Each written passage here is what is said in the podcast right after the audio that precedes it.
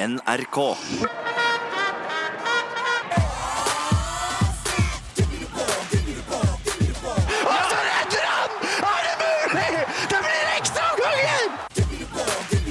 Timeout. En håndballpodkast fra NRK Sport.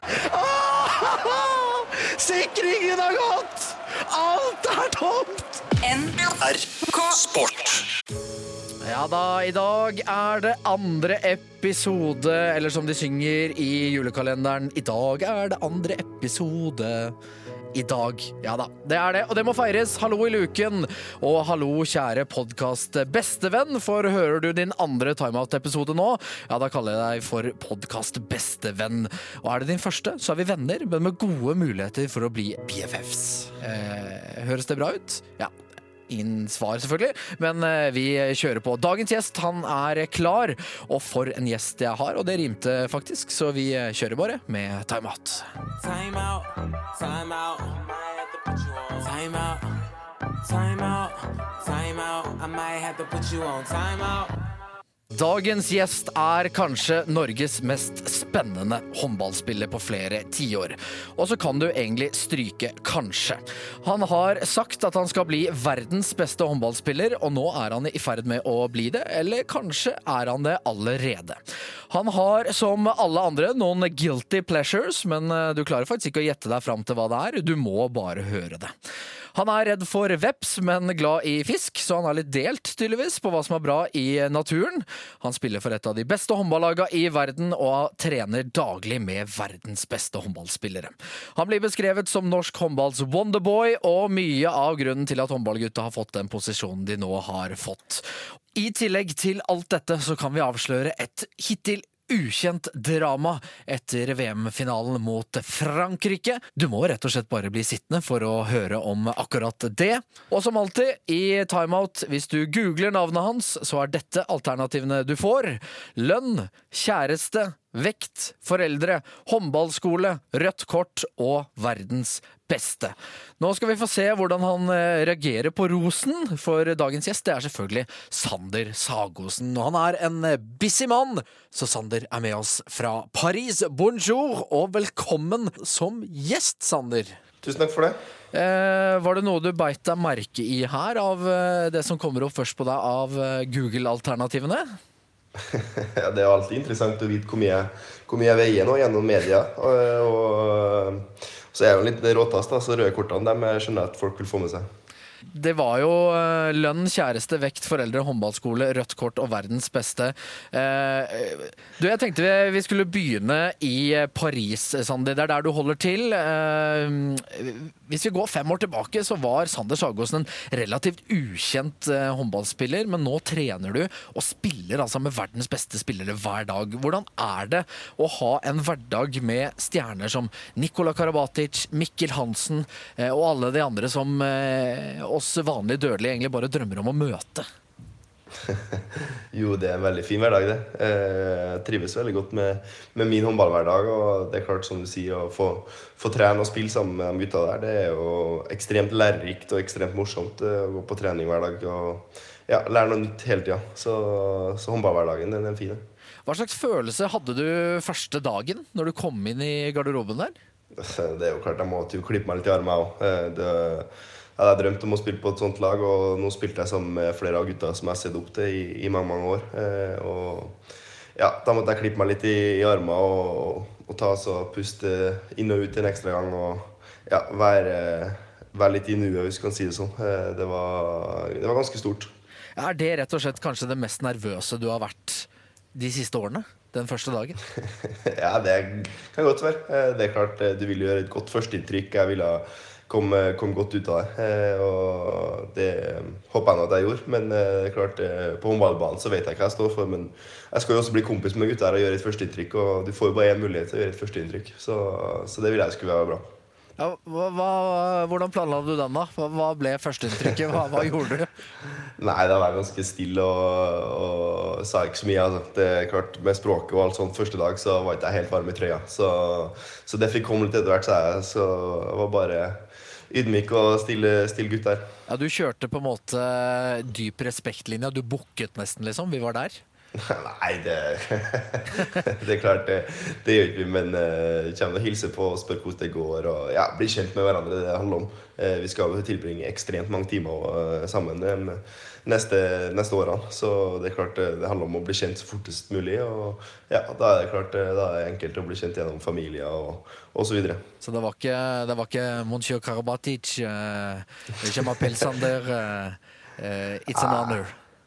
Jeg gikk ikke ned på ett kne så, eller to knær og så booka. Det gjorde jeg. Så det, det, men jeg hilste, hilste pent på. Hvordan er, hvordan er fransken din? Très bien. Ja, den er det? Uh, ja, den uh, kommer seg. Uh, snakker og forstår ikke alt, men en god del. Så det går nå mest i fransk på trening og på, i klubb og sånt, så det klarer jeg å henge med på nå. Så det er litt artig. Ja, for jeg har hørt at det ikke alltid har vært tilfellet, Sander.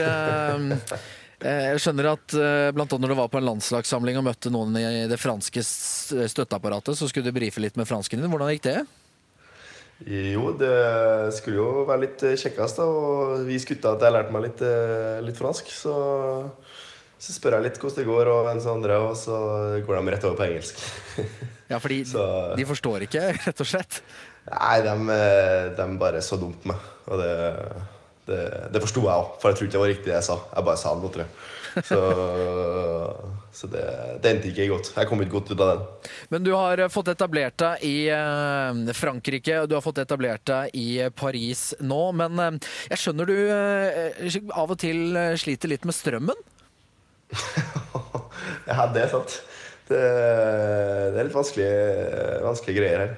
Ja, for du så... mistet strømmen på et tidspunkt ganske tidlig etter du flytta til Paris. Hva, hva, skjedde?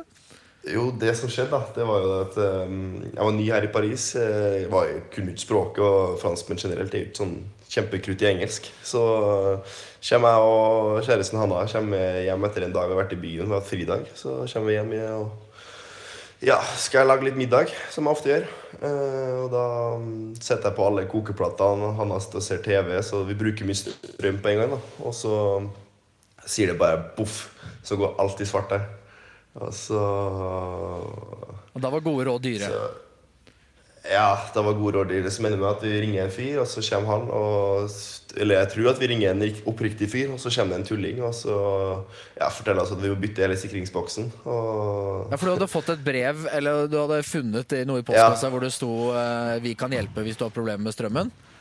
Ja, du har fått sånne 24-7 electrician. Så da ringte jeg jo bare det nummeret, for jeg snakka med dem i klubben. De sa vi kunne ikke gjøre noe, men jeg trengte jo strøm søndagskveld.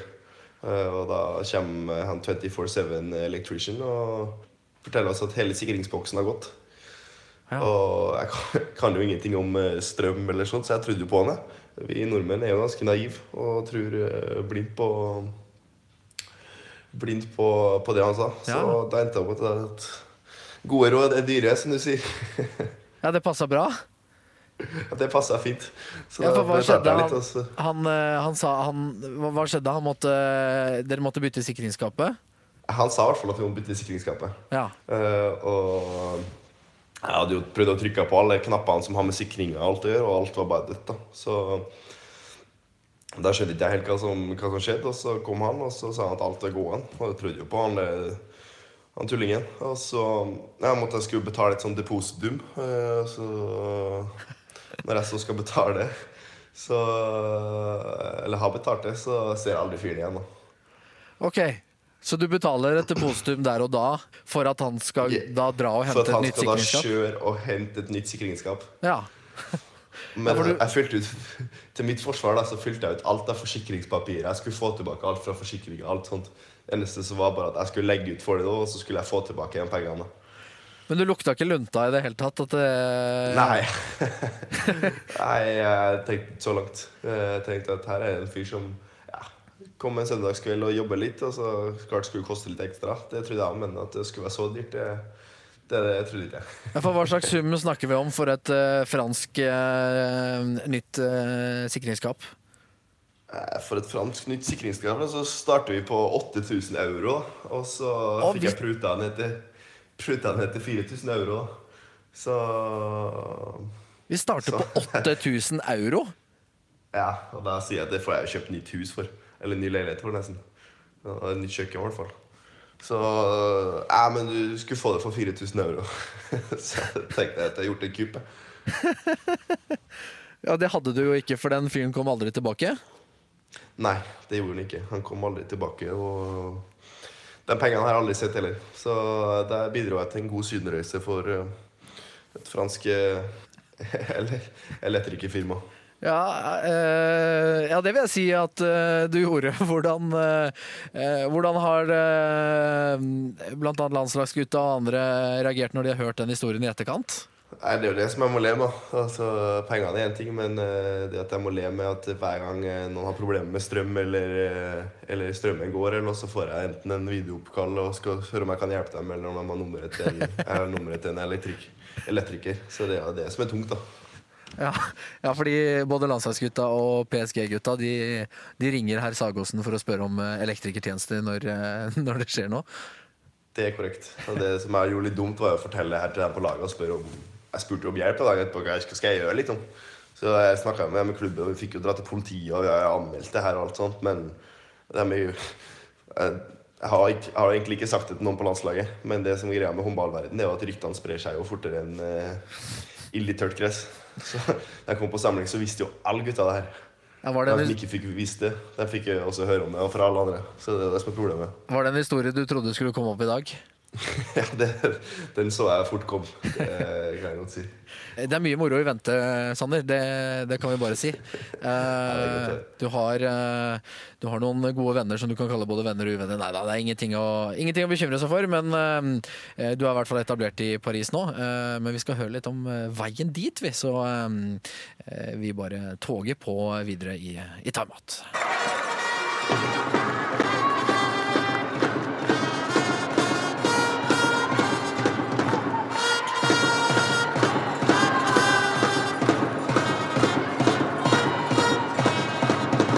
Jeg tenkte vi skulle begynne litt på den spede begynnelsen, eh, Sander. Eh, Jeg bet meg merke i veldig tidlig, Sander, at du sa eh, at du skulle bli verdens beste håndballspiller. Eh, Hvorfor har det vært så viktig for deg å si dette utad så tidlig? Fordi du har på en måte alltid sagt det, og det er jo en ganske stor fallhøyde her. Ja, det er det helt klart. Men eh, jeg har alltid sagt det høyt fordi at For hvis ikke jeg tror på det, så er det ingen andre som kan tro på at jeg kan bli det heller. Eh, Og jeg syns ikke det er noe farlig å feile. eh, I, i verken idrett eller i hva du gjør generelt i livet. Jeg synes jo det Feiling er en naturlig del av, eh, av, det, vi, av det å leve. Så for meg så var det liksom Jeg må i hvert fall si det høyt, så har jeg i hvert fall noe som pusher meg og motiverer meg. For når jeg har sagt det høyt, så kan jeg aldri trekke meg tilbake på det. Så det har vært Jeg har brukt så mye motivasjon at jeg skal, skal bli det. Samtidig som jeg aldri har vært redd for at jeg skal ikke gå veien. Fordi at hvis jeg ikke gjør det, så har jeg i hvert fall gitt et ærlig og fair forsøk. Og det, det må jeg leve med. Uansett om jeg har sagt det høyt eller ikke. Du vokste opp i, i Trondheim, Sander, i det vi eh, trygt kan kalle en, en håndballfamilie. Ja, det er helt klart. Med pappa i spissen og mamma som uh, Mamma spilte fotball, så hun har ikke så mye kunnskap til håndball. Men eh, jeg kan si at hun har tatt igjen den interessen ganske bra i de senere årene. Eh, Søster Ine er 18 år, hun spiller eh, for Charlottenlund, eh, ganske høyt oppe i norske divisjonssystemet. Du har en bror som heter Siljan, som er 11 år. Begynner vi å lukte Team Sagåsen? Burde NRK egentlig kjøpe rettigheter til Team Sagåsen allerede nå? Det kan godt være. Det er jo litt eneste problemet at vi er litt spli, spli, spredt. da. Hadde vi alle bodd i, i, i, Trondheim, så hadde det vært litt enklere å filme, kanskje. Men eh, noe, du har jo en liten sak der, kanskje.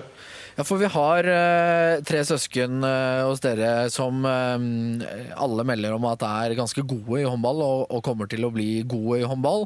Og da, hvis du tar på en måte parallellen til Team Ingebrigtsen, så trenger du en, en Gjert. Og så er vel litt sånn litt Gjert light, har på en måte det som blitt sagt om, om, om far. Ser du den? Kan det stemme? Ja, den ser jeg. Det er litt, eh, det er litt lett hjerte light version, så klart. Men eh, det er litt eh, hjerte over det. Så pappa skal få den. Han er, han er Jo mer og mer jeg ser av Tiv Ingebrigtsen, jo mer og mer minner jeg meg om pappa. Så det er litt morsomt å se. Ja, på, på hvilke måter er det han er, er han lik Gjert?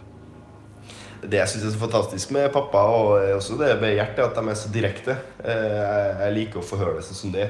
Uansett hva det er, om det er til, til Ine, eller om det er til Siljan, eller om det er til meg, så sier pappa det i hvert fall alltid rett ut. Han legger aldri noe mellom. Uh, Og det gjør jo samme Gjert med, med sine barn. Uh, Og og så samtidig som han stiller krav til oss. eh, Hvis vi, når jeg sier at jeg vil bli verdens beste, så vet pappa på sin måte hva som kreves, og hva jeg må gjøre. Eh, og da sier han det rett ut. Han stiller krav, du må gjøre det og det og det. Og ja, med litt om og men så må vi ende opp med å gjøre det og det og det. Så det er litt sånn, sånn det fungerer. Han stilte krav eh, veldig tidlig til deg, skjønner jeg? Ja, det gjorde han. Eh, Samtidig som at det skal ikke sies at det var kravene fra andre side, men det var jeg sjøl som ville det. Og da når jeg sa at jeg ville det, så, så stilte han opp og sa at du må gjøre det og det og det for at du skal bli, skal bli best. Og det var det han, han gjorde. Han hørte på hva mine ønsker var, samtidig som at han sa at hvis du sier det, så kan du lure deg sjøl med å bare si det, og så ikke gjøre jobben. Det er jo litt sånn det fungerer. Ehm, eh, jeg skjønner at du spilte veldig mye dataspill eh, når du var yngre, men så skjønner jeg at det kom et, et vendepunkt når du var rundt, eh, rundt 14 år. ja, det gjorde det. Eh, jeg hadde jo skreket meg til, til mamma. da. Det var litt sånn, sånn i vår familie. Så når jeg skulle ha sportsutstyr, eller sånn, så gikk jeg alltid til pappa. Og hvis jeg skulle ha alt mulig annet, klær eller dataspill, sånn, så gikk jeg til mamma og spurte om lov. Så jeg hadde skrekket meg til, til mamma i ja, et halvt år med å få meg Xbox og skulle spille PlayStation sammen med resten av gutta i klassen. Så fikk jeg det til jul. Uh, jeg syns det var ganske gøy. Brukte en hel eller en halv jul på det. Og så Jeg og bestekompisen min sitter nede og spiller da, en kveld, og så har jeg brukt ja, altfor mange timer på det her. da Og fått det nye Call of Duty-spillet og skulle, skulle spille litt.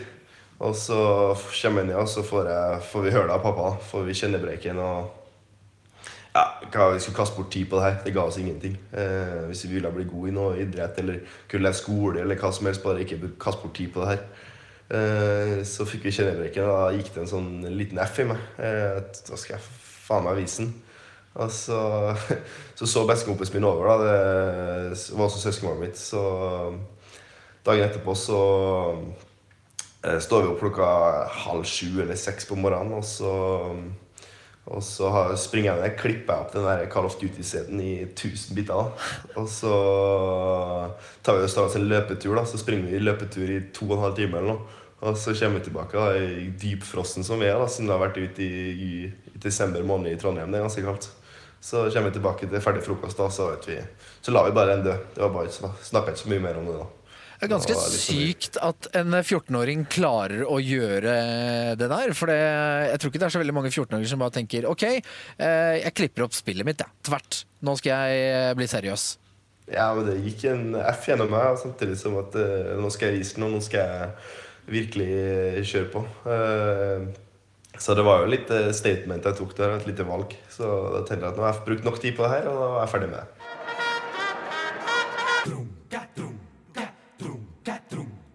Hvordan var eh, ting eh, tilrettelagt, og hvordan er ting tilrettelagt hjemme hos eh, Sagosen-familien for å bli gode i håndball?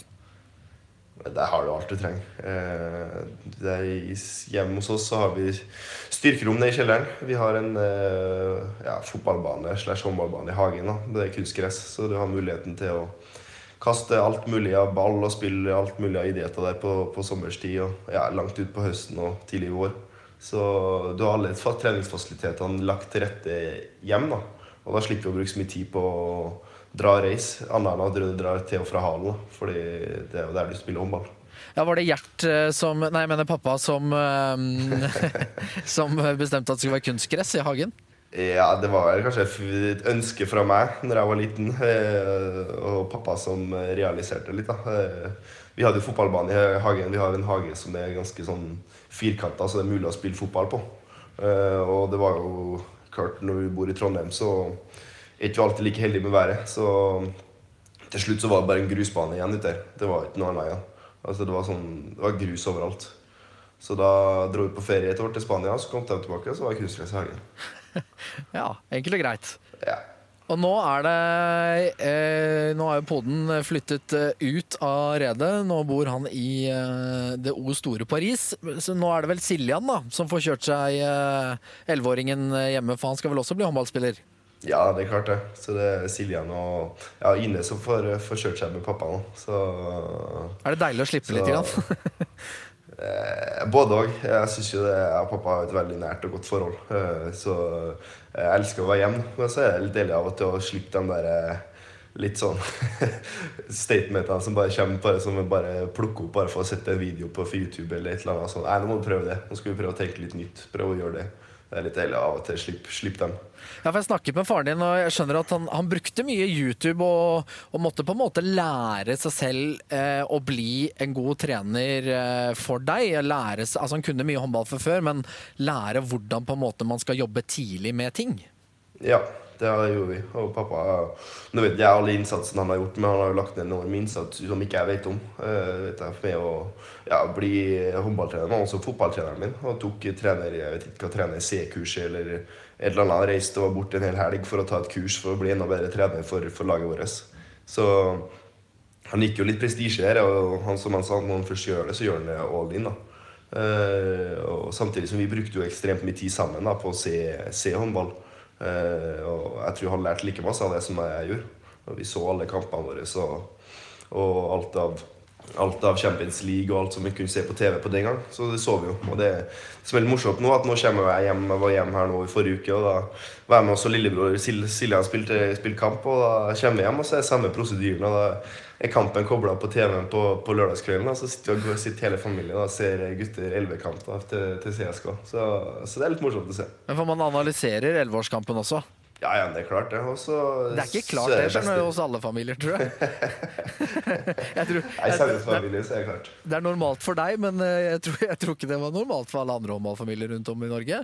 Nei, men det er kanskje å gjøre litt læring av det. Fordi du lærer ekstremt mye av å se på video. Og det, det bruker vi som et uh, godt verktøy. Og for, en 11 år, for Siljan, da, som er 11 år, og ikke forstår alle begrepene sånt vi snakker om, så kan vi forklare det enklest mulig gjennom å se på video, for da ser du svart på hvitt. Hvordan var det å være lagkamerat med Sander Sagosen i tenårene? Det tror jeg ikke jeg alltid var enkelt. Uh, Ja, var du litt hissig på var- lagkameratene dine? Og motspillere? Ja, ja. Og på dommere og alt, egentlig. Ja, for det, det var mitt neste spørsmål. Er Røde Sander egentlig et godt eh, kallenavn eh, for ungdomstiden? Eh, Det ble noen røde kort. Jeg tenker bl.a. på Nordencup i Gøteborg. Ja, den, den er ekstrem. Det er jo jeg, hadde, jeg har jo fortsatt ekstremt vinnerinstinkt, men det har jo klart jeg klart å vokse opp litt av. Men da jeg var mindre, så tok det jo gikk det over stokk og stein. Eh, Tapte vi på trening eller tapte vi i kamp, så stilte jeg enorme krav til meg sjøl, men jeg stilte også de samme kravene til dem rundt meg. Og når ikke alle andre innfridde, så fikk de høre det, dessverre. Jeg mista sikkert noen kompiser på, på det, men eh, jeg skulle vinne både på trening og kamp. Men det kan de angre på nå, at de ikke fortsatt er eh, kompis med Sander Sjagåsen. Jo da, det, det får vi jo si, men eh, det er sånn, vi vok- vokser opp alle sammen. Men eh, det er klart, de som står meg nærmest, de, de tålte å få høre litt skitt. Vi skal eh, bevege oss eh, videre til eh, litt nyere tid, men bli her, så skal du snart få høre om EM i Polen, gjennombruddet for håndballgutta. Men du skal også få høre om et hittil ukjent drama for Sander Sagosen etter VM-finalen mot Frankrike. Timeout. Du, Sander, EM i Polen ble jo det store gjennombruddet for håndballgutta. Jeg tenkte vi skulle gå litt inn i det mesterskapet, for eh, mange glemte jo at dere faktisk tapte den første kampen mot Island med ett mål. Hadde du noe som helst tro på at det skulle bli så vilt som det ble eh, etter det tapet i åpningsmatchen? Nei Både òg. Jeg visste jo at det kunne snu veldig fort eh, i, et EM, fordi alle kan slå alle, nesten. Eh, Så, men at vi fikk så tur som vi fikk med at vi vant den gruppa, og ja, likevel ende opp på ni poeng etter eh, hovedrunden og gå videre som ener eh, til semifinalen, det, det hadde jeg faktisk ikke trodd. Nei, for man slo jo eh, Kroatia og Hviterussland i de to neste gruppekampene. Men eh, I hovedrunden så var man jo avhengig av å omtrent overgå seg selv og det alle hadde tro og håp om. Og det begynte med Polen. Jeg tenkte, Sander, at vi kan høre et lite strekk fra hvordan den kampen eh, var. Norge mot Polen, altså i Krakow foran eh, et ganske eksepsjonelt eh, vilt og oppheta hjemmepublikum. Polen må ha en rask avslutning. Spiller over til Bilecki på venstre bekken. Han kommer inn i banen, spiller videre. Og så skuddet! Det går på utsiden! Norge har slått Polen! Norge har slått Polen! Er det mulig? Fem, sekunder. igjen. Fire, tre, to, én. Norge har slått Polen foran 15 000 elleville polakker! De hopper og spretter og danser ute på banen, og det er øredøvende stille i hallen. Det er tyst! Nei, jeg tror det nesten ikke. Det er Dette er en av de største seierne for det norske herrelandslaget noensinne. Og ikke bare det, med denne seieren så er det et stort, gigantisk skritt mot semifinale. Ja, det er helt vanvittig. Altså Ja, hvordan var det å høre dette, Sander? Jeg får litt fristninger, det gjør jeg. Eh, Jeg husker jo den kampen veldig godt. Det var jo, det var ekstremt å spille hjemme kulissene som vi spilte i med 15 000 polakker. Det, det går ikke stille for seg. Så det at vi vant den kampen, det var, nei, det var stort. Det var, det var en morsom, morsom opplevelse.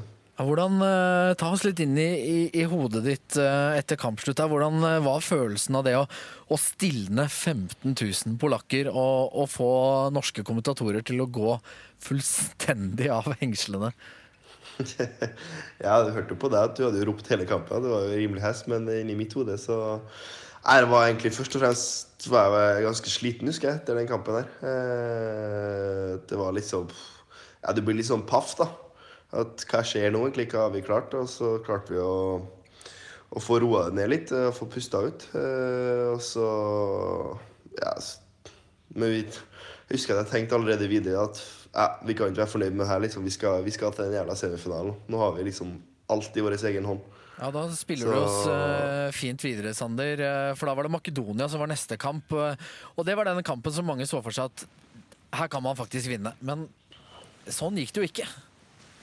Nei, det var litt eh, motsatt. da. Vi hadde egentlig gått eh, hele både Kroatia, Polen ja, Hviterussland og Makedonia var kanskje de to eneste kampene vi var favoritter for at nå skal vi vinne. Eh, det var press på at vi skulle vinne, og det, det gikk jo ikke sånn. Vi spilte en ganske tøff kamp, og Makedonia spilte bra. eh, men eh, men eh, de leda vel egentlig så å si hele kampen, og så klarer vi å komme inn til slutt og få det uavgjort. Hvis jeg husker riktig. Ja, Det ble vel 31-31 i den matchen der. Ja. 31-31. Og så var det at vi var skuffa over det, men i bunn og grunn så hadde det egentlig ikke så mye å si, for vi måtte likevel ta poeng eller slå Frankrike da, eh, i neste kamp. Ja, for så var det altså, Sander. 27. januar 2016. Norge måtte slå Frankrike, som altså på det tidspunktet hadde alle beltene. Regjerende europamester, regjerende verdensmester og regjerende olympisk mester. Bare å si de tre tingene, så må man jo på en måte få øh, Altså, de har jo fortjent respekt, for å si det på den måten. Det er klart. Eh, det var jo det var jo storebror i hele håndball-Europa i hele håndballverden. Det er jo noe å legge skjul på. Så mm, vi skulle jo over en tøff oppgave. eh, Og skulle slå Frankrike der i et uh, direkte kamp om semifinalene, det visste vi kom til å bli tøft. Men eh, det lot seg gjøre, det òg. Og det, det husker jeg var en helt syk opplevelse. Og den skal du få lov til å oppleve litt igjen, eh, Sander. Vi skal ta et lite gjenhør med noe av det som skjedde i sluttminuttene eh, mot eh, Frankrike. Og som du sier, altså, man måtte slå regjerende europamester, verdensmester og olympisk mester for å komme til en historisk norsk semifinale. Eh, Det her eh, gleder jeg meg egentlig bare til å, til å høre igjen. Nå surrer vi det til for oss selv. Frankrike, og så er det skritt! Det er skritt! Det må Ja. du da se! Ja da, Han ser det! Han ser det, det er skritt! Og Sander Sagosen, 20 år gammel, han sier til gutta Slapp av, folkens! Vi har dette her! Og det var pipestemme, det beklager jeg. Ja. 1 minutt og 20 sekunder igjen, men fire mål på den tida. Det skal ikke Frankrike klare. Karabatic går til, krysser opp Port, som blir tatt tilbake til Karabatic. Så skyter! Ole Ervik står der og redder! Abrakadabra, simsalabim, Norge er i EM-semifinale! Ja, det hjelper ikke. Eller det gjør jo ingenting at han ikke har hatt eh, så godt mesterskap fram til, frem Og til hør, hør på dette duetten! Hele Tauron Arena, alle polakkene, de hyller, de hyller de norske gutta! Vi reiser oss, alle mann alle, og hyller det norske laget, som er på vei til en historisk semifinale! Og så er det Liansen, det er frikast til Norge! Frikast til Norge! Og Bjørnsen kikker opp mot tribunen og skjønner ingenting! Jubelscenen er i gang! Jubelscenen er i gang! Dahl! Norsk skåring! Vi er fem mål foran! Ja! I en EM-semifinale! Ja, det er helt eh, vanvittig. Og Frankrike har gitt opp! Frankrike har gitt opp! Ja, det er jo bare eh, fire-fem sekunder igjen her nå. Frankrike har gitt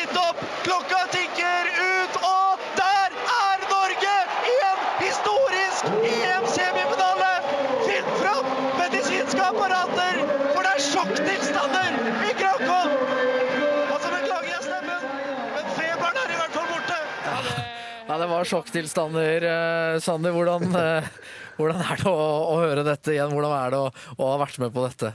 Det er helt eh, Det er ganske stort. Det var første semifinalen vi ja, gikk det, og ja, det var en helt rå opplevelse. Slå Frankrike der. og ja, Vi var egentlig konstant underdog hele mesterskapet, og så likevel klare å slå, til, slå fra så bra som vi gjorde. og ja, altså, Slå Frankrike den avgjørende kampen om direkte semifinale. Du tenker at ok, da stepper de opp og skal nok klare å prestere en bedre kamp. Men eh, vi svarte på alt de gjorde, og spilt, jeg syns vi spilte mye bedre håndball og spilte bedre. Da. Og det visste jeg jo på også på måltavla. Hvordan reagerer kroppen din når du eh, hører utdrag fra denne kampen igjen?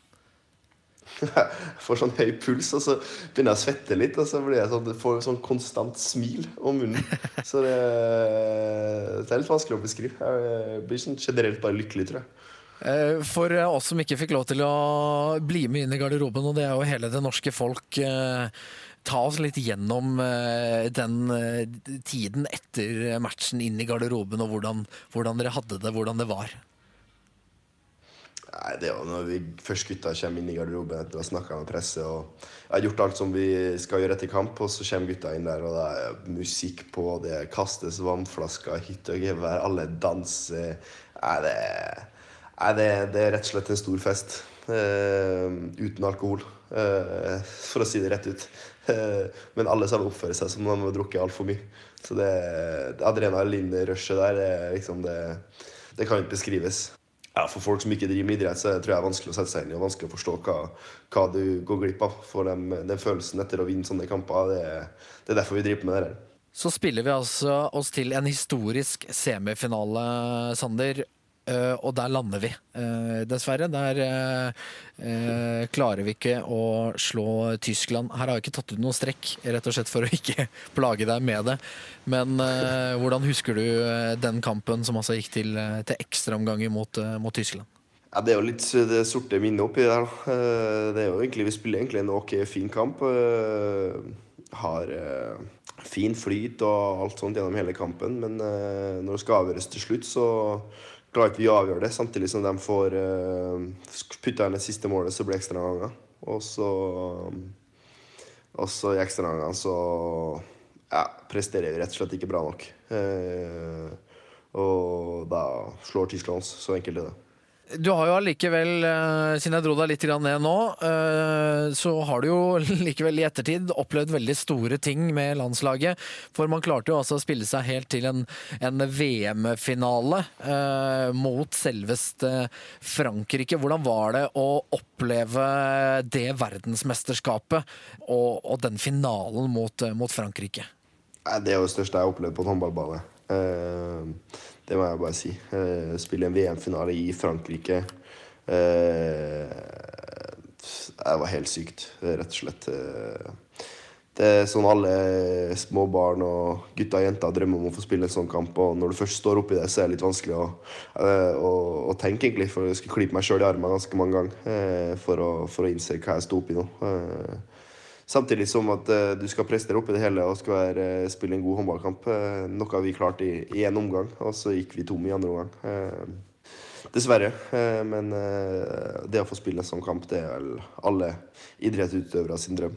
Tror du vi får oppleve lille Norge, må nesten kalle det det, for det har altså ikke spilt oss til noe, noe semifinale eller noe kamp om medaljer før da i 2016. Tror du lille Norge får, får oppleve dette igjen, Sander? En VM-finale? Ja, det tror jeg. Helt klart. Da skal vi oppleve at vi står helt på toppen. Fordi eh, det tror jeg er ganske mye artigere enn å stå nest øverst. Og så skjønner jeg at eh, det, vi kan avsløre et litt ukjent drama etter VM-finalen, Sander. For eh, etter hva jeg forstår, så skulle jo du egentlig ganske kjapt tilbake til, til Danmark, for da spilte du jo fortsatt der. eh, Men ble igjen i din eh, kjærestes leilighet i, i Paris. eh, Og så skjedde det noe den morgenen du skulle tilbake til, til Danmark. Ja. Eh, det er jo sånn etter hver gang jeg har spilt mesterskap, så er jo kroppen ekstremt sliten. Og, og jeg er ekstremt sliten. Du har vært på, på, på i en hel måned og skal prestere hele tida. Eh, og så da du først får kobla av, så detter det ofte ganske fra. Jeg var blitt eh, litt småsjuk. Jeg vet ikke helt hva som feila meg, men jeg var feber og ikke helt i slag. Så skulle jeg reise eh, tilbake til Aalborg den dagen. Hanna hadde reist på bortekamp, så det var ingen hjem. Og så sover jeg lenge og skal stå opp og gå på bakeren og kjøpe meg en frokost. Og bakeren er 20 meter fra leiligheten til, til Hanna. Og så jeg kommer på bakeren, så merker jeg at jeg begynner å svette noe sinnssykt. Og, og jeg blir helt svimmel, og så plutselig så bare våkner jeg opp, og så ser jeg opp i taket. Og her har jeg bare gått i bakken innpå bakeren og har besvimt. da. Oi, såpass, ja. Ja, så går jeg i bakken, så det som er litt morsomt med det der, er at det er en sånn bitte liten baker. da. Nå tenker En fyr på 1,95 står innpå en baker, så hvis jeg faller, så, så treffer jeg enten veggen eller så jeg datt over en sånn godterihylle. Så den var jo helt brekt. da. Så våkner jeg opp, da, og så det jeg våkner opp, så hører jeg bare sirenene komme. da, Og så eh, blir jeg henta Så blir jeg bare først blir lagt ned i bakken av eh, av, eh, syke, av dem som jobber her og sier at du må ligge, liksom. Og så sier jeg men det går fint, det her. Slapp av. Jeg bare jeg har ikke spist frokost, jeg hadde lavt blodsukker, sier jeg. Og så kommer sykehuset, kommer ambulanse og sykehuspersonell, eller hva man kaller det. Eh, kommer gående inn, og da blir jeg jo De tror at jeg har slått hodet, eller noe, men jeg sier jo alt er ok. Og vil bare reise meg opp og gå hjem, egentlig. Og så ble jeg jo lagt i en sånn der tvangsdrakt, eller jeg vet ikke hva du skal kalle det. Du ble lagt på båre for at du ble bundet fast da, for at ikke jeg skulle røre på meg. Med nakkekrage og hele pakka. Så blir jeg båret ut i ambulanse, ambulansen. Får ikke til å røre meg. Vet du. Jeg blir jo helt stressa av det der. Så jeg blir liksom har på sånn, sånn vest da, som gjør at jeg ligger helt limt fast til, til båra. Med litt om og men da, så klarer jeg å få sagt at det går fint. Altså. Jeg, klarer, jeg trenger ikke å dra på sykehuset. Etter en halvtime i ambulansen så får jeg snakka meg ut og så kjøper meg noe frokost og dratt hjem og spist før jeg tar flyet tilbake til Aalborg. Snakker deg ut på fransk, eller snakker deg ut på engelsk? Nei, da kjørte jeg engelsk. det kan jeg bare si. Det her var jo voldsomt eh, dramatisk. Dette er, ikke, dette, dette er jo ikke hverdagskost, selvfølgelig. Eh, Det er jo skremmende opplevelse da, å, å gå så tom. Ja, eh, det er klart det. Eh, Ballongen går jo definitivt ut av deg når du er ferdig med mesterskap, og det gjorde den jo bokstavelig talt der. Så, så det er litt skremmende, men lært, du lærer jo litt av det. Eh, Det er jo en ny opplevelse å gå så langt. Helt, helt til et VM-finale for meg et mesterskap. Vi gikk jo til så klart året før, men det var litt spesielt med VM. her, Vi reiste litt mer og litt sånt. Eh, og da blir du flinkere og flinkere da, på å kunne få igjen nok næring og få igjen nok mat gjennom et helt mesterskap osv. Så, nei, det var god læring, for å si det rett ut. Dette er jo noe nytt som ikke folk har hørt om deg før, og det er jo litt av det vi håper på med, med denne podkasten. Og en annen ting som vi alltid håper på, er at du som sitter og hører på, skal få lov til å bli litt bedre kjent med Sander. Kanskje høre ting som eh, du ikke visste om. Og da trenger jeg litt informanter for å komme inn på Sander. Um, og de har jeg hatt. Jeg har snakket med både familie og venner. Det er de jeg kaller eh, informanter. Så jeg tenkte vi skulle ta litt eh, informantspørsmål. Mm, er du klar for den, eh, Sander? Ja, det, det, det går fint. Ja, Du er litt sånn smånervøs? Jeg er litt spent på hva folk, folk stiller, stiller spørsmål. Det går så bra. Det går så bra. Vi, eh, vi tråkker på videre.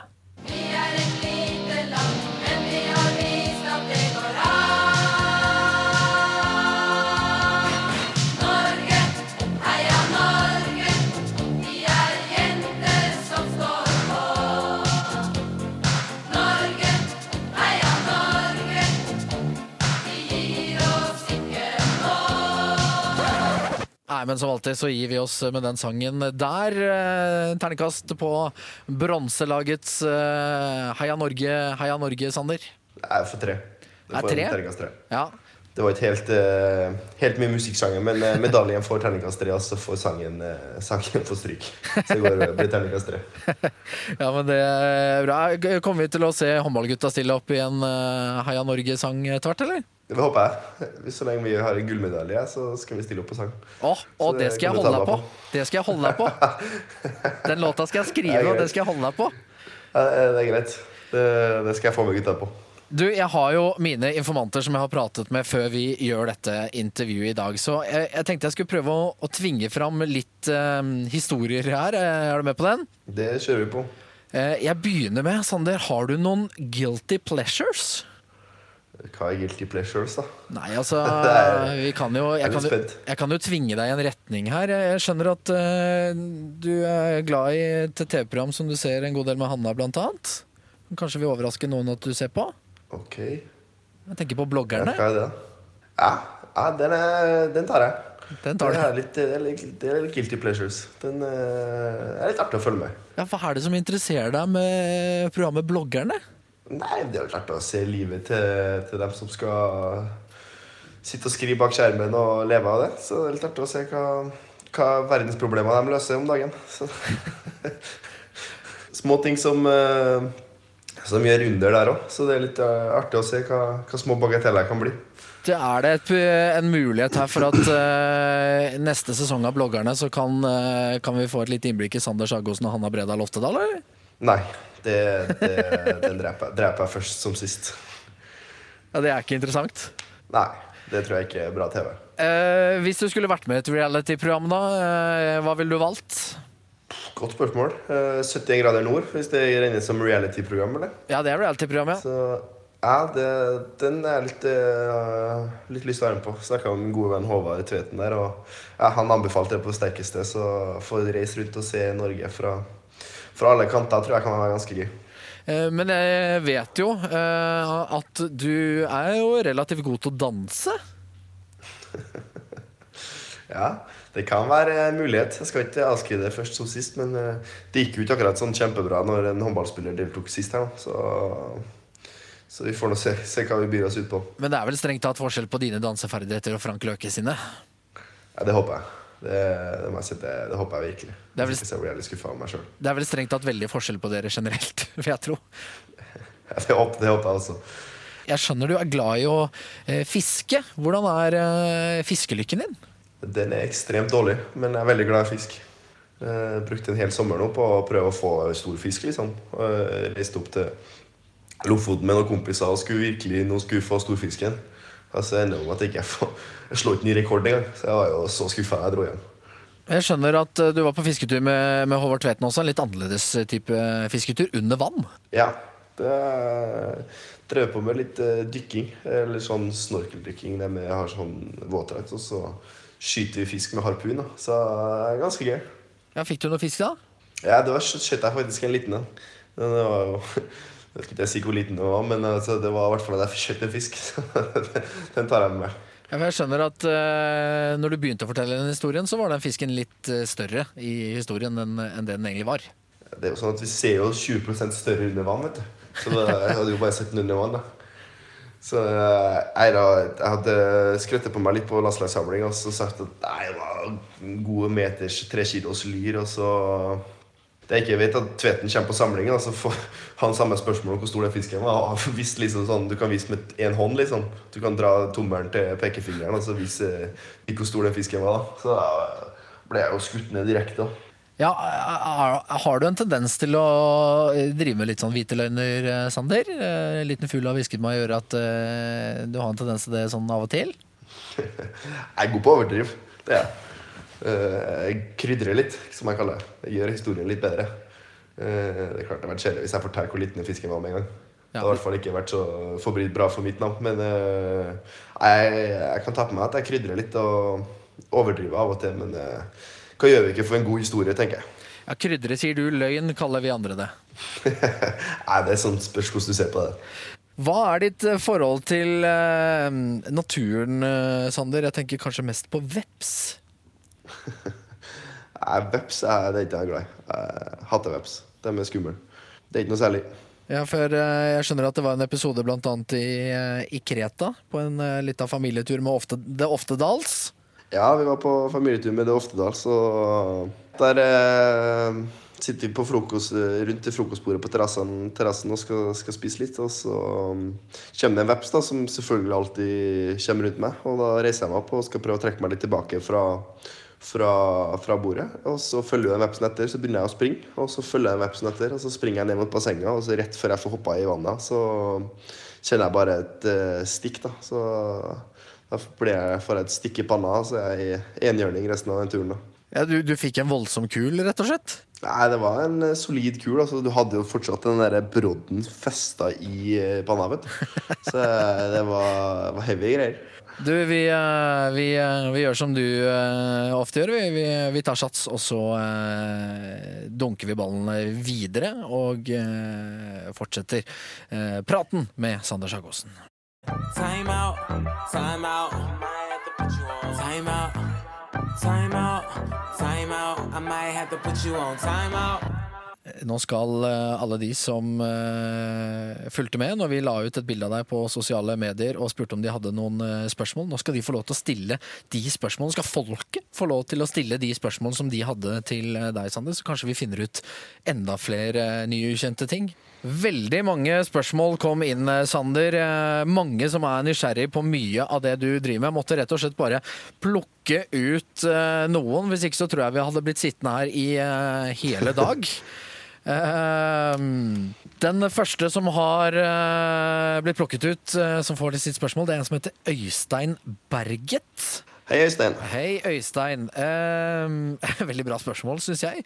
Øystein skriver rett og slett bare 'Hvorfor har du ikke bart?' Eh, for ung. Altså, du, du har ikke anlegg for skjegg og bart, eller? Jo, det kommer seg mer og mer. Men eh, nei, det ser ikke helt bra ut på meg. Altså. Det må jeg bare erkjenne. At det, det er ikke noe trønderbart å, i vente heller. Dessverre. Så vi får ikke se noe Movember eh, fra, fra Sander. Nei, Det kan være november støtte en god sak, men jeg har ikke noe bart eh, generelt. i hvert fall. Det, det, det får ikke vi se. Eh, vi kan ta neste spørsmål, Sander. Det kommer fra en som heter Sebastian Holte Aasen. Eh, det vet jeg faktisk hvem er, for han kommer fra samme by som, eh, som meg, fra Kragerø. Det Sebastian lurer på, er er det vanskelig å motivere seg selv når man i en alder av 23 år allerede er en av verdens beste? Absolutt ikke. Eh, Det er et godt spørsmål, men eh, absolutt ikke. Fordi eh, når du får være med og spille så mange morsomme og artige kamper som, som jeg får spille, så, så motiverer det mer enn nok. Samtidig som du hele tida har lyst å vinne mer. Fordi nå vet jeg hvor artig det er å, å vinne ting. og vinne titler med, her i Frankrike. Og har lyst til å gjøre det sammen med Norge og, og i Champions League. Så det er absolutt eh, motiverende å, å, å strekke seg mot sånne mål. Men du har alltid hatt som mål å bli verdens beste. Eh, har du nådd det målet? Er vi der nå? Det er jo ikke opp til meg å besvare. Eh, Det er jo opp til alle andre å besvare. Og det er egentlig ikke så mye jeg tenker over å få den stempla svart på hvitt at du er verdens beste. Så klart eh, er det jo målet mitt å bli det. Men eh, jeg føler at eh, jeg har litt å gå på ennå, og jeg skal være såpass overlegen verdens beste den dagen jeg blir det. At, eh, at da skal alle vite. Ja, det er bra, det. Det er bra. Um hvilke ting er det du føler du faktisk eh, må forbedre, da, siden du sier at du kan bli bedre på, på flere ting? Det er jo egentlig å bli bedre på alt. Så enkelt er håndball. Altså det er en ganske eh, komplett sport da, der du skal beherske så mange forskjellige ting. Eh, Det er klart duellspillet mitt eh, er, begynner å bli ganske bra. Men så jeg kan fortsatt jobbe en del med skuddet mitt og med forsvarsspillet mitt generelt, egentlig.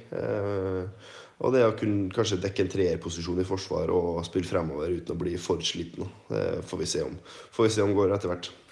Eh, Vi går videre på lista med lyttespørsmål, eh, Sander. Eh, Her er det fra en som på Instagram bare kalte seg for Dimora997. Eh, Ok. Hei, Dimora997. Hei, Dimora. Jeg er spent på svaret ditt. Jeg vet ikke om han har noe info her, men spørsmålet er rett og slett hvordan får man så mange damer som deg? Hvordan blir man en ekte player? Ok, det er et godt spørsmål. Eh, det er sånn at Jeg har bare én dame, så det er litt sånn eh, Jeg vet ikke om jeg er riktig mann å spørre. Eh, men eh, du må nok eh, se bra ut, forhåpentligvis. Og så må du være en eh, snill og god gutt, så hjelper, hjelper nok det på, på det. Ja, bra, bra svart. Meget godt svart, yeah. syns jeg. Eh, Så har vi fått inn et spørsmål her, Sander, fra en som heter Christian Berge. Hei, Kristian. Uh, og det er altså ikke Christian Berge landslagssjef, det er jeg ganske sikker Ikke? på. Oh. Eh, fordi spørsmålet er hvordan skal jeg trene som best nå når jeg er 13 år? Ok. Så jeg håper ikke Nei, det er Kristian Christian Berge landslagssjef, for å si det sånn. Nei, det håper jeg heller ikke. Eh, Men uh, det Kristian skal gjøre, det er å ha det morsomt med håndball. Eh, Gå på trening eh, hver dag og, og kose seg med det. Eh, Søk hele tida nye utfordringer for å bli bedre. Og syns det er morsomt å trene. Det tror jeg er det viktigste han gjør. Hvis ikke det, blir, hvis det ikke er det morsomste han gjør, så, så blir det vanskelig å bli god i lengden. Og kanskje få faren sin til å se litt på Team Ingebrigtsen eh, også, eller? Ja, Du kan jo få en far da som ordner et styrkerom i kjelleren, fotball- eller kunstgressbane i hagen, og så følger jeg opp hver kveld. Eh, Det hjelper også på. Eh, veldig bra, Sander. Eh, vi tar noen spørsmål til. Gullbjørg Hadeland eh, har skrevet 'Hvor kommer selvtilliten din fra?' Morsmelka? Nei, jeg vet faktisk ikke. Det er alltid noe jeg har hatt. Alltid å trua på egne ferdigheter. Alltid hatt et veldig klart og godt bilde på Eller selvinnsikt, hvis du kan si det sånn. At jeg vet hva jeg gjør som er bra, jeg vet hva jeg gjør som er dårlig. Og alltid vært ærlig ærlig med meg sjøl. Og da har det liksom kommet naturlig ut fra det at jeg vet hva jeg står for. Og da ser ikke jeg noen grunn til å ikke tro på de ferdighetene når jeg, når jeg møter andre spillere eller andre lag eller hva som helst. Da, da står jeg for, for mine ferdigheter. Håvard Tønnesen eh, har et litt enklere spørsmål. Eh, klarer du å bevege på ørene dine? Nei, det gjør jeg faktisk ikke. Det, de er nok bare for å ta inn, ta inn, ta inn lyd. Blir, eh, jeg, vet at, eh, jeg vet at vi snakket litt om, eh, om litt sånn forsiktig, snill mobbing og pranking fra landslagsgutta. Er ørene dine noe av det som blir tatt opp? Nei, nei, men det er jo klart vi byr jo på oss sjøl. Jeg byr på meg sjøl, i går og utover. At Jeg har ikke noe mot at, at det skal gå på min bekostning. Så, så klart, det, det blir tatt opp i ny og ne, det òg. Vi tar med oss det siste spørsmålet, vi, og så skal vi avslutte lyttespørsmåldelen, eh, Sander. Eh, Og dette spørsmålet kommer fra en som heter Joakim Hykkerud. Hei, Joakim. Hei, Joakim. Han lurer på hvilken hårsjampo bruker du?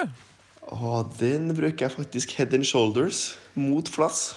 Ja, er, Ligger det noe mer bak dette her, eller er dette bare et veldig rart spørsmål fra Hykkerud her? Nei, altså det jo tykker du Det er egentlig bare et rart spørsmål, spør du meg. Men uh, okay. nei da, vi uh, Når du går et mesterskap og Det må vi by på. Da fikk du et, eh, sendt et lite stikk videre til Joakim, og så eh, eh, lar vi Joakim sitt eh, litt sånn snodige, litt dårlige spørsmål være det, eh, det siste. Det er tid for fast spalte. Vi har det og skal ha det med alle gjestene våre. Min håndballfamilie. Og eh, akkurat som en familie så må vi komme litt inn i stemninga. Det er koselig med familietid, og da skal vi ha en koselig liten vignett også.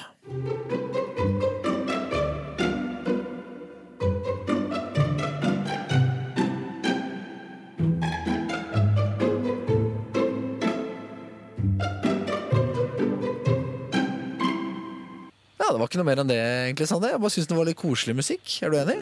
Nei, Den var søt. Jeg kom helt inn i familiestemningen. Og liksom fredagspizzaen på bordet og, og sitte og se Idol med familien. Ja, det er koselig. Det er koselig. Eh, fast spalte, Min håndballfamilie, eh, den har vi valgt ut fordi det finnes jo et ordtak som hevder at eh, det kreves en landsby for å oppdra et barn. Og sånn tenker jeg det er for en håndballspiller eh, også. Så nå, Sander, så skal vi velge din håndballfamilie. De egenskapene som du føler du trenger rundt deg for å eh, bli best mulig. Eh, og dette har du fått lov til å forberede deg litt grann på. Eh, hvilke kvaliteter har du valgt å, å ha rundt deg? Hvilke seks kvaliteter, for du skal jo inn på dette laget du også. Eh, Ja, det er klart. Eh, De kvalitetene er at det er omtenksomhet, smartness. Eh, Så trenger vi alltid en som skaper litt dårlig stemning, er litt negativ. En litt, litt, eh, litt av ulv i fåreklær, rett og slett? Ja, litt også en ulv i fåreklær som, eh, som jobber litt i det skjulte. Trenger du en med ekstremt god humor, så trenger du et forbilde. Og så ja, Til slutt så trenger du egentlig bare en altmuligmann som, som fikser alt. Så vi har eh, omtenksom, vi har smart, vi har eh, ulven i fåreklær, litt, litt eh, dårlig stemningsbyggeren. Vi har morsom, vi har forbilde, og vi har alt mulig, mann. det høres ut som seks bra kvaliteter, Sander. Vi kan begynne Ja. med opptenksom. Hvem har du valgt her? Ja, da starter, starter vi på venstrekanten, eh, som jeg har spilt med. Fikk gleden av å spille sammen med Håvard Tveten. Eh, den mest omtenksomme spilleren jeg har spilt med. Han tenker på alle andre rundt seg. Og ja, jeg tok veldig godt vare på meg når jeg kom til Aalborg. Og var, jeg, og jeg var en av mine bedre venner. Så en fantastisk fyr, og en veldig opptenksom fyr. Ja, Og rett og Så slett han ikke får plass på mitt, eh, mitt lag. Og ikke en dårlig håndballspiller heller, for å si det på den måten. Eh, Absolutt ikke. Så jeg tenker litt på det òg. Vi skal jo vinne titler som er lag her. Han og du fikk et ganske spesielt forhold eh, i Aalborg, i og med at du, du kom jo dit, som du sa, som ganske ung. Det ble jo nesten en reservepappa, og, og Sagosen, nei, Tveten-familien ble jo nesten en eh, reservefamilie for deg. Absolutt. Eh, Jeg kom jo dit som 18 år, som du sier. Og ja, det er klart Når du flytter bort fra Norge som 18-åring, så er det litt mye nytt. Og du kommer til et nytt land, og en du skal gjøre og spille håndball, så blir det lange dager. Og ja, Du savner litt nærhet og litt folk rundt deg. Eh, Og det fikk jeg i Tveten-familien, både med Håvard og Guro, som er, ja, tok ekstremt godt vare på meg, og Luka og Daniel, som ja, fikk bruke litt tid og være litt barnslig med. Så ja, det setter jeg veldig pris på. Eh, Da har vi den omtenksomme som eh, lett eh, firer seg inn på venstrekanten der. Da skal vi ha den smarte. Spent på hvem du har valgt som den med smarte håndballhode. Ja, det må bli Ellen Mamlund. Spilt sammen i Haslum. Fantastisk håndballhode og generelt en fantastisk smart fyr. Så han blir lagets smarting. Ja, det er ikke noe dårlig valg eh, i det hele tatt. Eh, Selv om eh, kanskje Håndball-Norge også Han har nok et litt annet rykte også. Ja, det er klart, men for meg så er Erlend en smarting. Han han gikk forrest i krigen, og han ja, lært meg masse håndball året vi spilte sammen. Så nei, han får plass på mitt lag. En veldig hyggelig fyr Arne Mamlund, som eh, nok eh, kanskje bruker det du sier, da. eh, De smarte egenskapene til å faktisk egge opp motstandere både under og, og, og før kamper. Og, og kanskje ikke får de til å prestere på det aller beste, men fokusere på andre ting. Det er jo en veldig smart egenskap. Klart det. Det, det Såpass er det. Eh, Så har du valgt ulv i fåreklær. Ja, da må du på høyrekanten eh, og ha mm, Christian Bjørnsen. Det er den største ulven i fåreklær jeg noen gang har spilt med. Han eh, jobber mye i det skjulte. Eh, mye sånn små pranks og mye litt sånn dritt som kommer fra Bjørnsen. Men han tar, får aldri skylda. Så du trenger en som skaper litt sånn uggen stemning og ja, litt eh, ulver, i, ulver i mosen, eller jeg vet ikke helt hvordan ordtaket her går. Ugler i mosen. Ja, altså, han er ikke helt den som eh, han, er, han er ikke den stille og rolig som, eh, som vi kanskje har fått inntrykk av. Absolutt ikke. Så når du begynner å kjenne Bjørnsen eh, godt, så merker du at han jobber mye bak kulissene for, eh, for mye faenskap. Ja, men Det er bra. Da har vi uh, Tveten, den omtenksomme, vi har Mamelund den smarte, vi har uh, faenskapmannen, får vi nesten si, Christian Bjørnsen. Så trenger du litt humor, du trenger litt god stemning uh, for å veie opp med Bjørnsen her. Så da, hvem er den morsomme du har uh, valgt ut? Det med best humor det må jo bli Joakim Hykkerud. Litt, det er litt tungt å si det, men, men han har jo en fantastisk humor. Og er, er en fantastisk eh, fin fyr. Eh, skaper god stemning rundt seg, byr på seg sjøl eh, til alle døgnets tider. Så han får plass på mitt lag. Hykkerud kommer inn, og så har du jeg også jeg tar to strekspillere. Så kjører Hykkerud fremover og Bjarte bakover. Så Bjarte blir forbildet i, innad i laget. Ja. Han er liksom en som går forrest i krigen og skal Ja, han er jo han er årets forbilde, og det sier jo sitt, spør du meg. Ja, vi kan jo bare ta det veldig kjapt. Eh, Hvordan føltes det å få lov til å være med og dele ut eh, prisen på Idrettsgallaen eh, til Bjarte Myhrvold? Jeg ble tatt litt på senga, først og fremst. da, så jeg var jo litt sånn stressa over det. Men uh, det var, det var morsomt å få være med og dele en opplevelse med Bjarte. Uh, det er kanskje den mest fortjente prisen på Idrettsgallaen det året. Og, og han fortjener, fortjener alt mulig skryt og hyll han kan få. Så, så det syns jeg virkelig var fortjent, og, og artig å få være med og få gi han den prisen. Hva skjedde når du spontant ble med på å dele ut eh, pris til uh, Bjarte Myhrvold, årets forbilde? Det som skjedde, var jo at jeg, jeg ble tatt helt på senga. da. Jeg fikk bare et ark i pappa opp i ansiktet og skulle nå må du lese det her på, på direktesendt TV. Hele Norge står og se på. Det var jo du som sto i spissen for det, vel. Så jeg var jo ikke så kjempefornøyd med det. Men eh, det at jeg fikk gi prisen til Bjarte og fikk eh, komme meg noenlunde ut av det uten for mange lesefeil og stammefeil, så, så gikk det fint. Ja, for vi var jo i Paris. Dere spilte jo eh, Golden League, og eh, så var det da idrettsgalla, alle gutta samla. Eh, og jeg hadde jo spurt deg på forhånd om du kunne Om jeg kunne komme bort og bare prate litt med deg når jeg skulle gå live. Og så overraska jeg selvfølgelig med at du skulle lese til Bjarte. Du var litt småsinna etter sendingen der. Ja, den, eh, jeg syns jeg kunne fått et heads up at eh, du skal lese det her. Altså, så hadde jeg i hvert fall kunne jeg gjort det litt bedre. Eh, men, men, men jeg byr på meg sjøl og ikke så tar på meg sjøl så selvtidelig. Så, så at det ble noen lesefeil her, det for det norske folk le med. Det, det byr jeg på. Er vi venner igjen nå? Ja, noenlunde. Ja, men det er greit. Jeg, tar den. Jeg tar den. Eh, da er det bare én eh, spiller igjen, eh, og en, en egenskap igjen. Og her har du rett og slett bare valgt altmuligmann. Uh, hvem er det vi skal ha som den sjette spilleren, og den syvende er selvfølgelig deg? Det skal du ha keeper. Så skal du ha Der skal jeg ha pappa. Ja.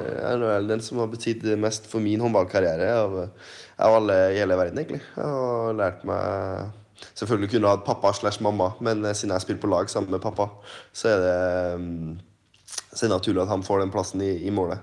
Så alt mulig. Man har fiksa alt for meg i alle år og gjort det ene og andre. Så han skal få et eh, plass inn på mitt familielag, eh, bokstavelig talt. Ja, det er koselig. og Det tipper jeg han setter pris på. Så er det vel gøy for han å spille med alle de andre gutta. Det er ganske bra nivå på det laget her nå.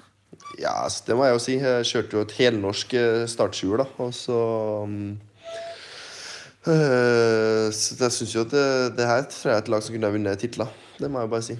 Vanligvis er det jo sånn at eh, egenskapene ikke nødvendigvis eh, trenger å være de aller beste spillerne, men her har de på en måte gått veldig hånd i hånd. Men eh, allikevel så skal gjestene få lov til å ta med helt fritt hvem de vil ha på benken av verdens beste håndballspillere som du ser for deg, som kan virkelig løfte dette laget. Hvem er det du har valgt å ta med deg som starter på benken? Altså, Der har jeg tatt med Nikola Karabatic, Ove Gensheimer og Nedim Remeli.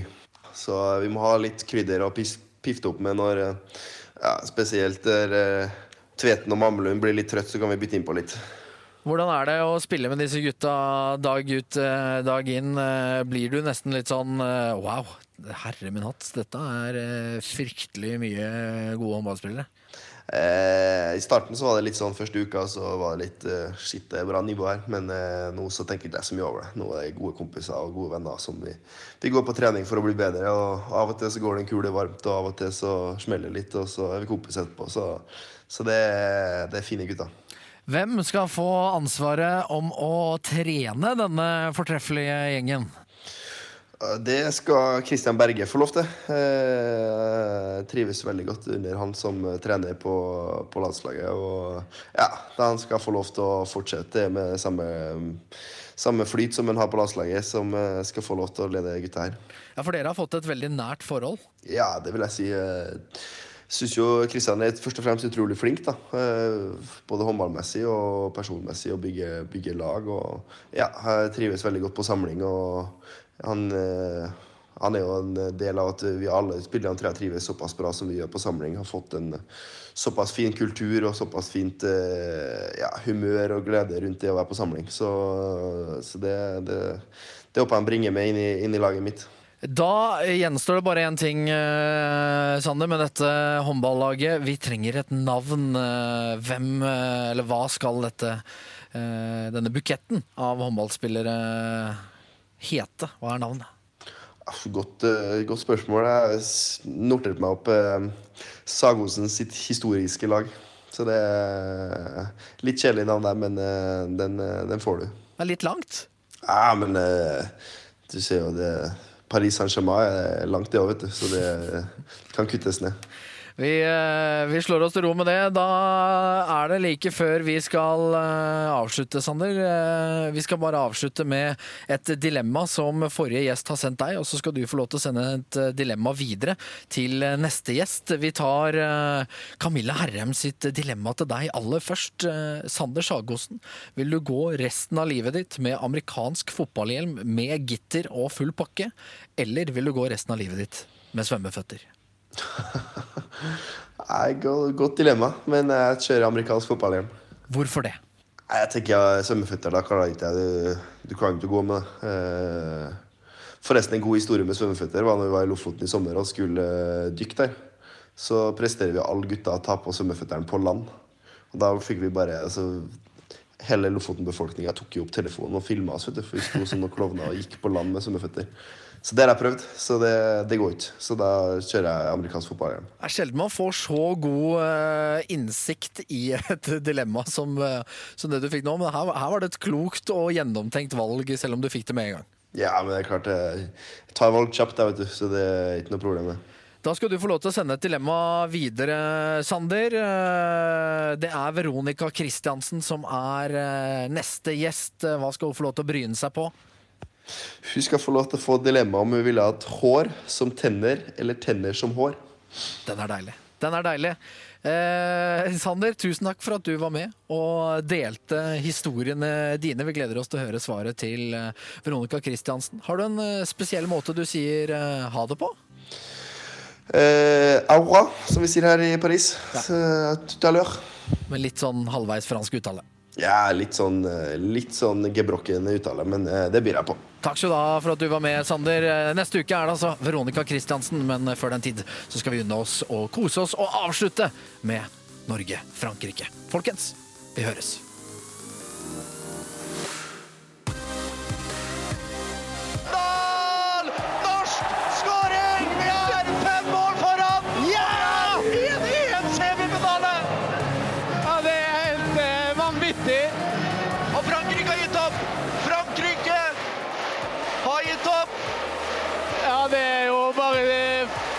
Fire-fem sekunder igjen her nå. Frankrike har gitt opp! Klokka tikker ut, og der er Norge i en historisk EM-semifinale! Finn fram medisinske apparater, for det er sjokktilstander i Krakow! Timeout. Du får en ny episode av Timeout hver uke, og den finner du på nrk.no podkast eller i iTunes. NRK Sport.